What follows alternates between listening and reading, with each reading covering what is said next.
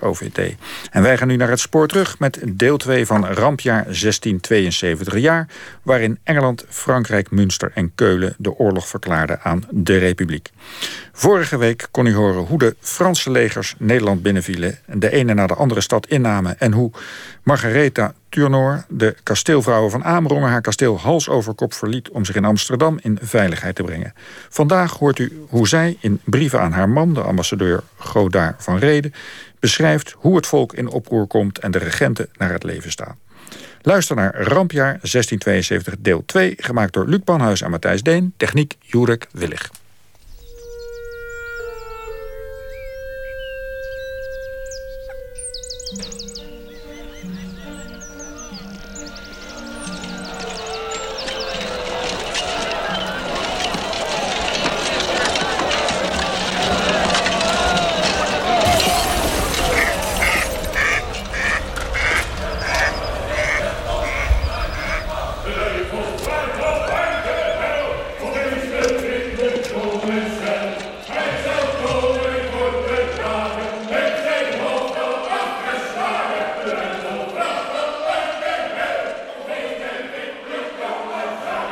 Oproerigheid en tumulten die van binnen onder het volk is... is zo groot dat het met geen mond uit te spreken is.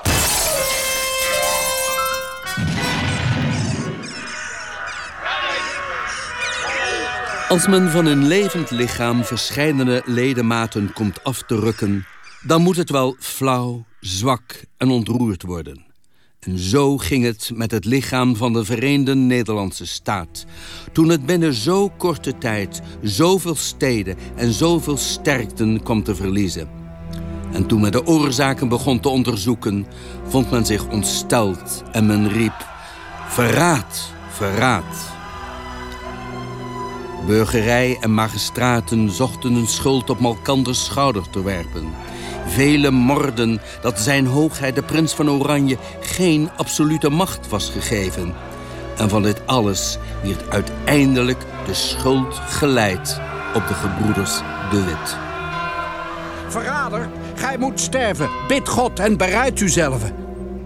Waarom zou God tegenover ons, tot ons eigen verderf, toegeeflijk zijn? Maar goed, huil. Huil als je wilt en zo vaak als je wilt. De beker van de rampspoed zul je toch drinken. Niet zonder reden reikt de hemelse geneesheer hem boordevol aan.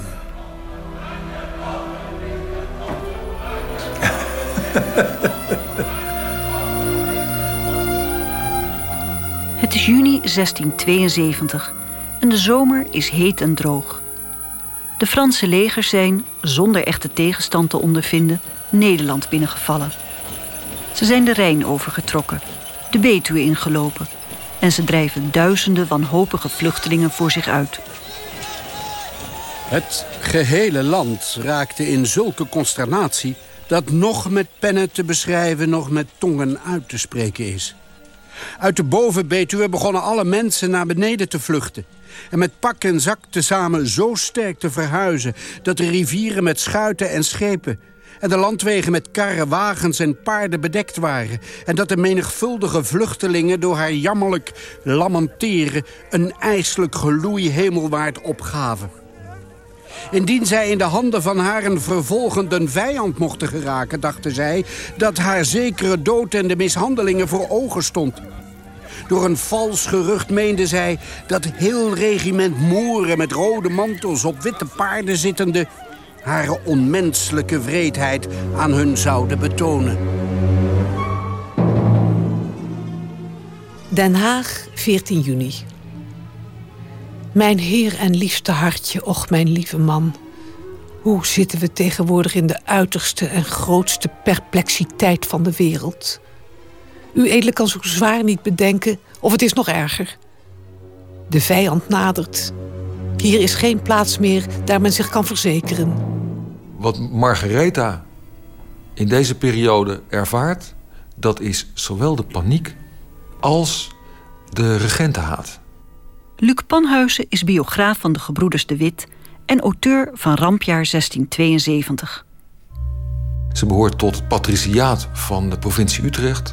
En zij komt in situaties waarin ze zich een beetje onherkenbaar probeert te maken. En ook waarin ze zich echt benauwd maakt uh, of ze herkend wordt of niet. Te Rotterdam, Haarlem, Leiden, Utrecht, Delft is al het gemene volk in oproer.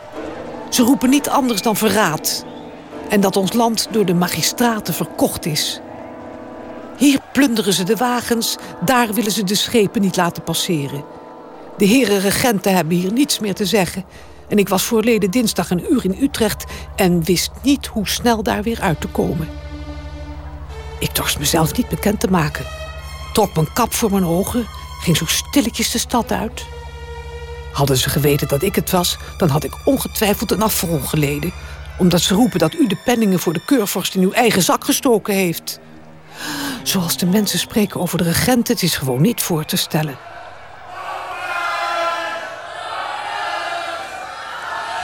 Daar het onmogelijk was het doorbreken van den vijand aan den IJssel te beletten...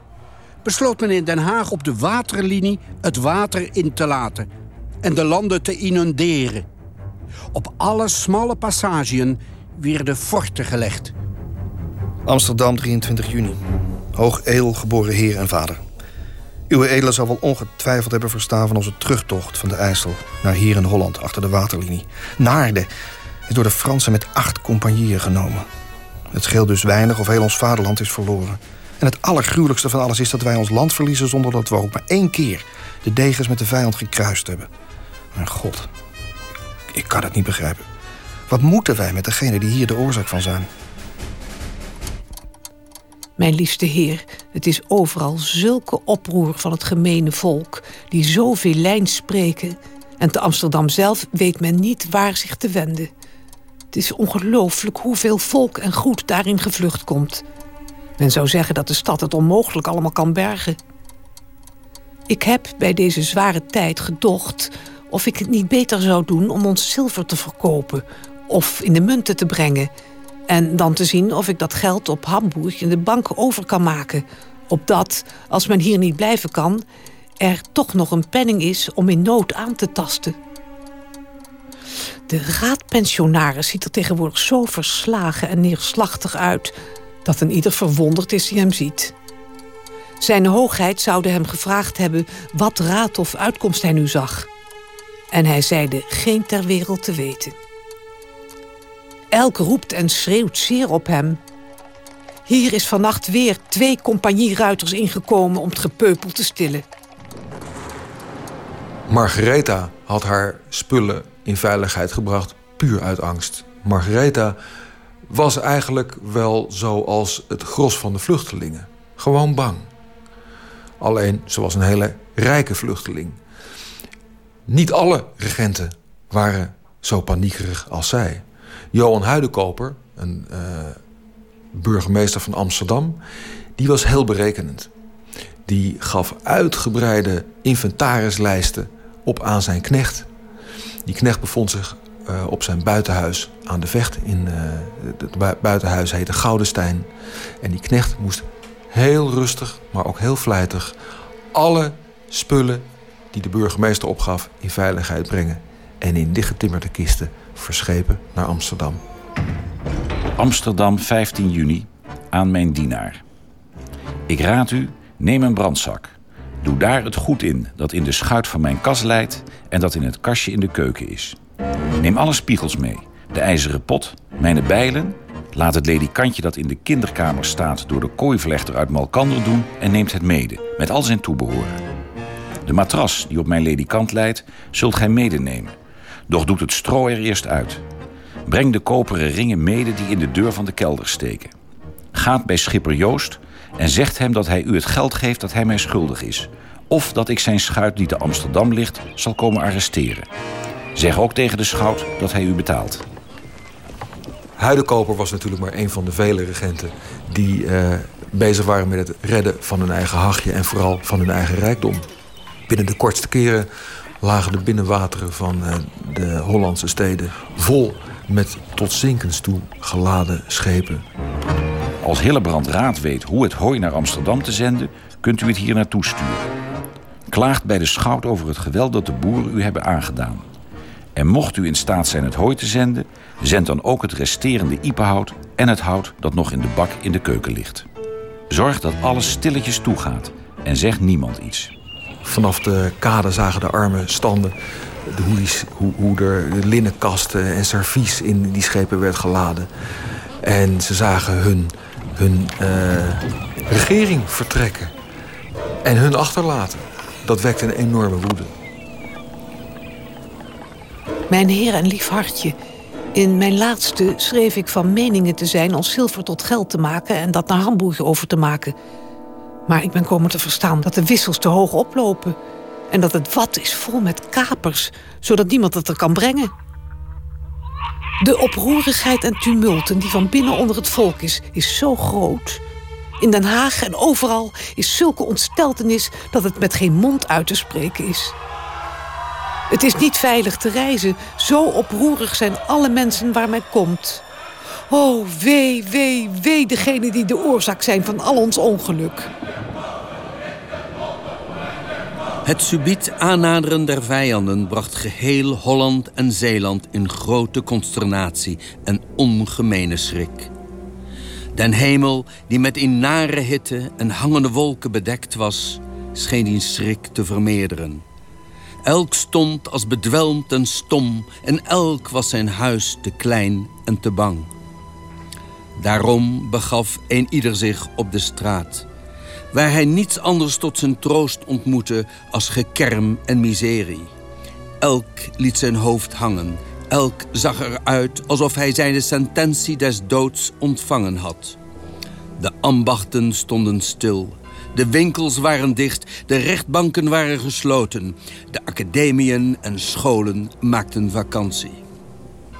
De kerken daarentegen wierden te klein voor alle benauwde herten... die van angst meer zuchten als zij konden bidden. Och, heren, en straft ons niet in uw toorn... en de kastijdt ons niet in uw grimmigheid. Velen vergroeven haar kostbaarheden in kelders, putten en hoven... Anderen metselden die in muren om ze te redden uit de klauwen der aankomende roofgieren. Velen vreesden een bloedbad en andere onheilen.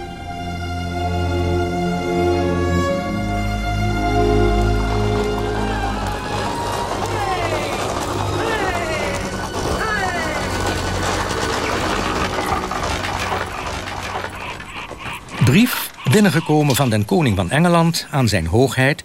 overgebracht door den heer Rede van Renswoude... en de beide provinciën ter generaliteit goedgevonden... dezelfde niet te communiceren... maar zijn hoogheid voor zijn gegeven communicatie te bedanken. Op dit moment heerst er in de Nederlandse Republiek een explosieve situatie. Uh, het gezag verkeert in een absolute crisis. En... Uh, op dit moment komt er juist een brief van de koning van Engeland... gericht aan Willem III.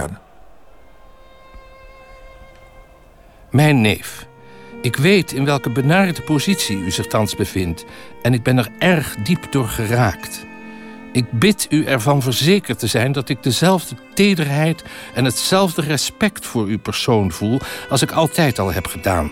Zowel vanwege uw persoonlijke deugden als vanwege onze bloedband. Gelooft bovendien dat het de staat van het land was die me belet heeft met u te corresponderen en u deelgenoot te maken van mijn voornemens en transacties en de verdragen die ik met de Franse koning heb gesloten. Ik heb altijd geprobeerd uw belangen te bevorderen, voor zover de omstandigheden dat toelieten. Karel II was een, uh, een sluwe koning. Hij wist dat in de republiek heel erg veel aanhangers van de prins van Oranje hoopten op zijn steun. Dat Engeland eigenlijk alleen maar oorlog voerde tegen de republiek, omdat Karel zo'n hekel zou hebben aan Johan de Wit. Karel die schreef die brief aan Willem precies om dat sentiment tot het kookpunt te verhitten. En hij legt de Zwarte Piet Dus volkomen bij Johan de Wit. Het zijn de eeuwige machinaties en de brutaliteiten tegen mijn persoon geweest van hen die zo'n grote rol hebben gespeeld in de regering van de Verenigde Provinciën, die me ertoe hebben gedwongen me te liëren aan de Franse koning, die dezelfde reden heeft zich over hen te beklagen en wiens enige doel het is de Loevesteinse factie te bestrijden en ons van hun beledigingen te vrijwaren in de toekomst. Staten-generaal wilde deze brief van de Engelse koning geheim houden. Ze wisten natuurlijk donders goed dat het een explosieve inhoud uh, bevatte. En het wordt toch gepubliceerd. De initiatiefnemer is uh, hoogstwaarschijnlijk Gaspar Vagel geweest. En Willem heeft het niet tegengehouden. En wanneer de inwoners van de Verenigde Provinciën hun vergissing bijtijds inzien en u hetzelfde gezag zult uitoefenen als uw voorvaderen zo lang en waardig hebben gedaan, ligt het voor de hand dat dezelfde Franse koning en ik een volmaakte vriendschap met de Verenigde Provinciën zullen onderhouden. Vanaf dan wordt het duidelijk aan het grote publiek dat de prins van Oranje zijn handen heeft afgetrokken van de regenten. En dat Willem ook tegenover de raadpensionaris is komen te staan in het politieke spectrum. En zodra ik bemerk dat het niet meer aan die gewelddadige, nog aan een andere valse partij is om te verdraaien of te verdonkermanen in wat voor benarde toestand ze het volk hebben gebracht, zal ik het geweld waaronder uw volk zo lijdt laten ophouden. Want iedereen onderkent de particuliere zorg die ik koester voor uw persoon. En de achting die ik voel voor de Verenigde Provinciën die aan uw zorgen zijn toevertrouwd. Rest mij nog u te verzekeren en te overtuigen van de meest gunstige gezindheid en bedoelingen die u maar kan wensen. En die ervan getuigen dat ik ben en zal zijn, mijn lieve neef, uw liefhebbende oom Charles. Wat er gebeurt na deze brief is dat de raadpensionaris eigenlijk vogelvrij wordt verklaard. Alle pamfletten die over hem worden geschreven, die worden nog wat bloeddorstiger en nog talrijker. En eigenlijk durft niemand het meer voor hem op te nemen.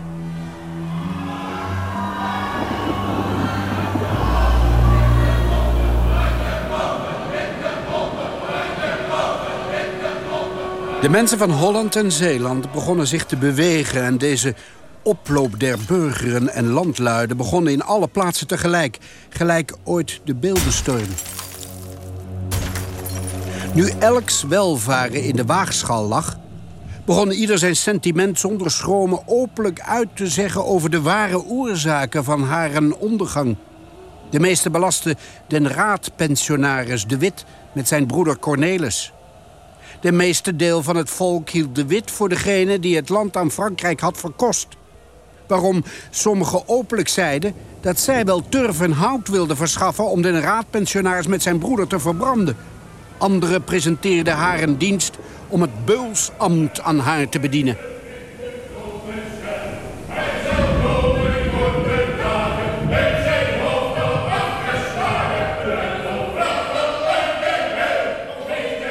Amsterdam. Mijn liefste man, wat denkt u edele van zulk een oorlog? Wie heeft diergelijken ooit gehoord? Utrecht heeft zich met de hele provincie overgegeven. Eergisteren zijn er in Utrecht omtrent 6000 Franse troepen de stad ingetrokken... en hebben onze heren regenten met de hoed in de hand voor de Fransen in de Statenkamer moeten staan. De Heer is merkelijk op ons vertoornd. Elk zorgt voor zichzelf. Ik ga als een verdoold schaap. Men doet alles zo verkeerdelijk dat oude officiers ze staan als kinderen... en ze weten niet wat ze moeten zeggen. Het volk schreeuwt naar de regenten. Hier in de stad noemen ze al namen... en dat ze wel weten wat ze hen aan zullen doen als ze de stad willen overgeven. Want ze willen liever sterven dan Frans worden. In deze tijd kwamen er zoveel schimdichten en paskwillen... alsof die uit de lucht regenden. En dat meestal tegen Jan de Wit en zijn broer Cornelis de Wit. Elk schreef slechts wat hij hoorde en in den zin kreeg. Men beschuldigde de raadpensionaris niet alleen van het overgeven der Nederlandse steden, maar ook dat hij Slans financiën had uitgeput. Dat hij zelf nu 80 tonnen gouds door wissel op Venetië had overgemaakt. En dat hij buskruid aan de Fransen had verkocht. Even na dit was gepasseerd, hoorde men in vele steden een gemene stemme des volks. Wij begeren dat men den prins van Oranje zal stadhouder maken. Hij moet worden gemaakt hetgeen zijn voorouderen geweest zijn. En er kwam het volk zo sterk op de been... dat daardoor geen kleine consternatie onder de heren van de regering ontstond. Welke bij sommigen te meer en groter was... omdat men onder het grauw riep... Wij kennen ze wel, die den prins tegen zijn... en zullen ze ook wel vinden...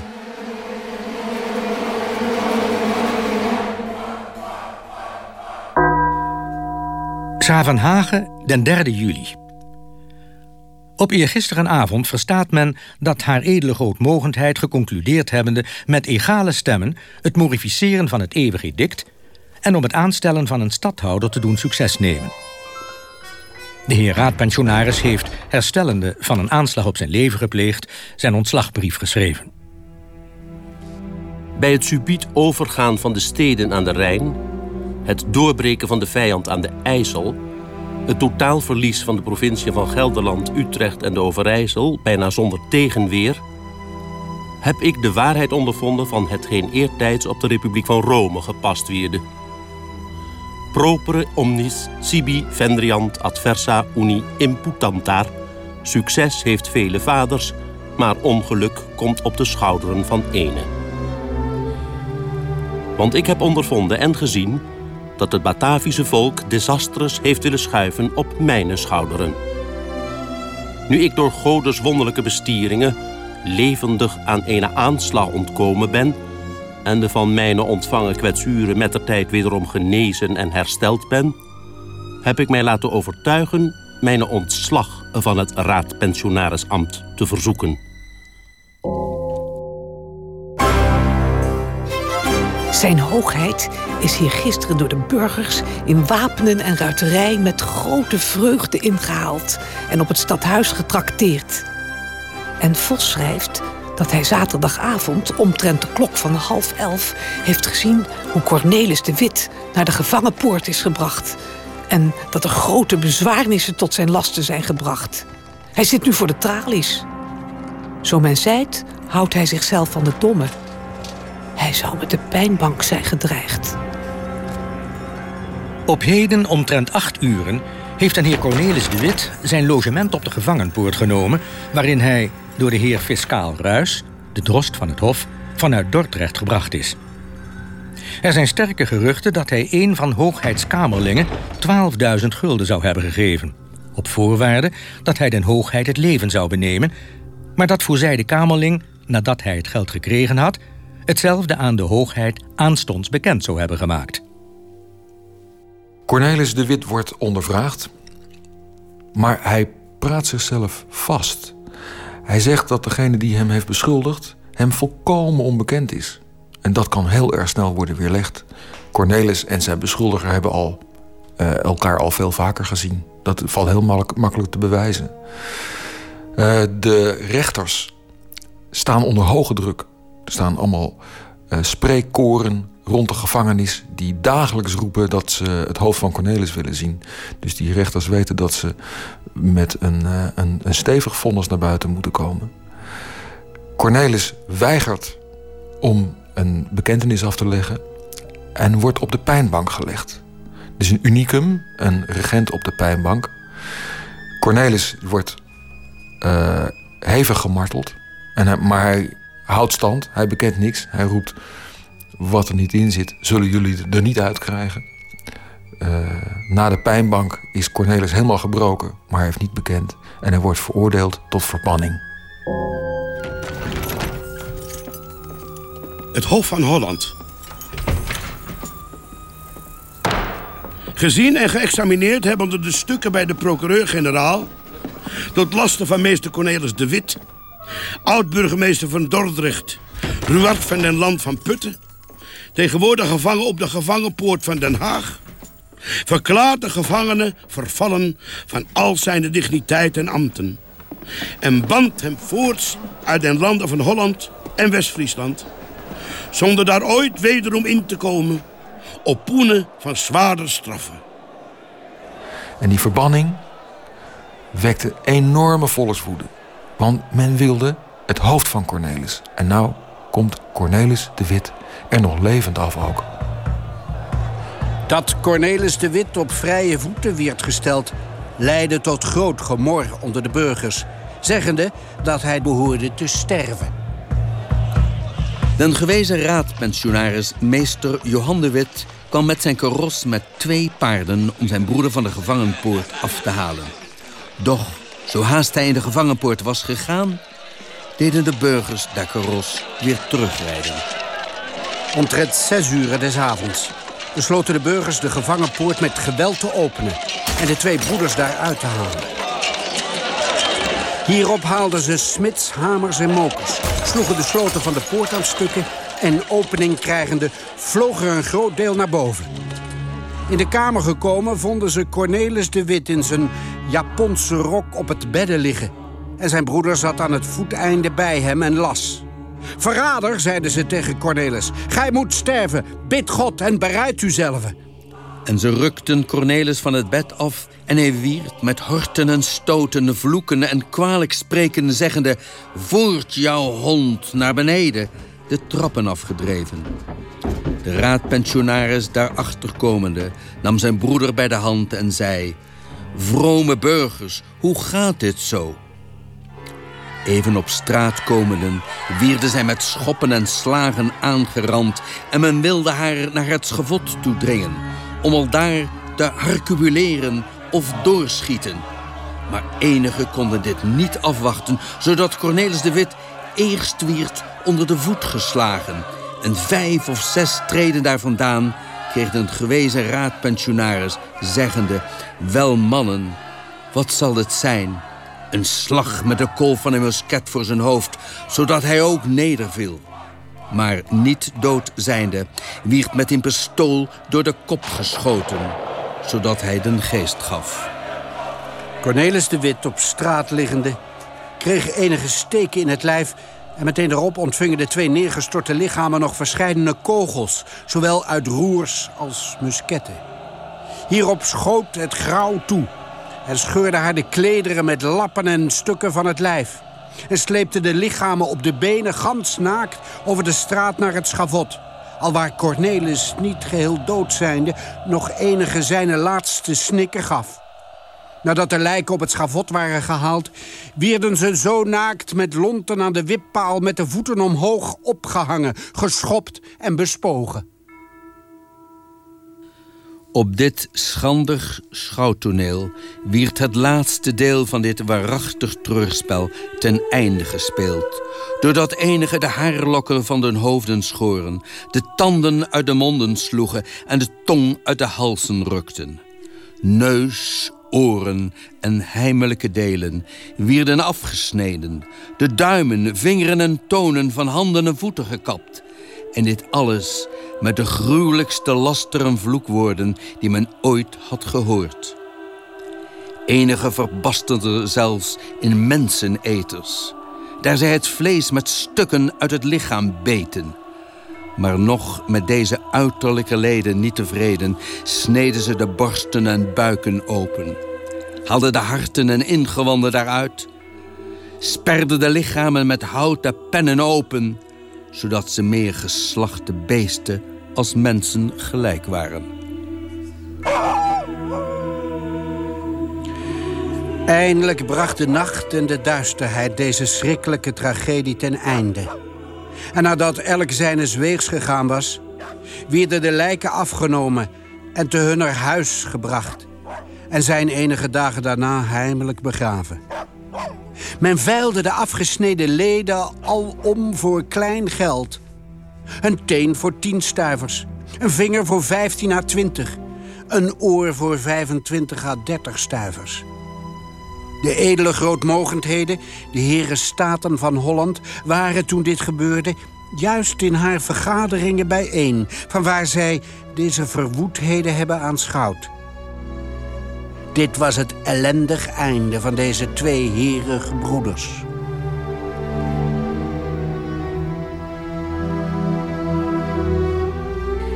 Ik heb dikwijls gedroomd na de dood van mijn man Cornelis de Wit... dat ik weer trouwde. Met zeer grote manifestatie en feestelijkheden... en met een zeer grote sleep. En ik wachtte mijn bruidegom, mijn man zaliger. En ik wachtte, maar er kwam niemand.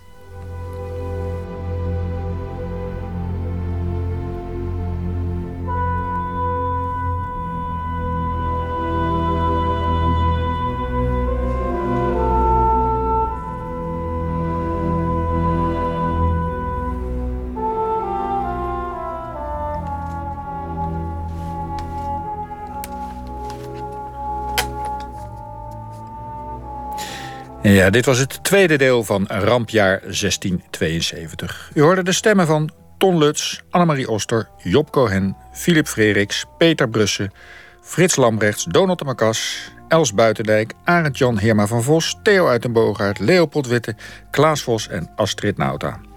En in de rol van oproerig volk hoorden u de leden van het Groot Omroepkoor en Gert-Jan ten Tijen met de studenten van de Theaterkamer Amsterdam.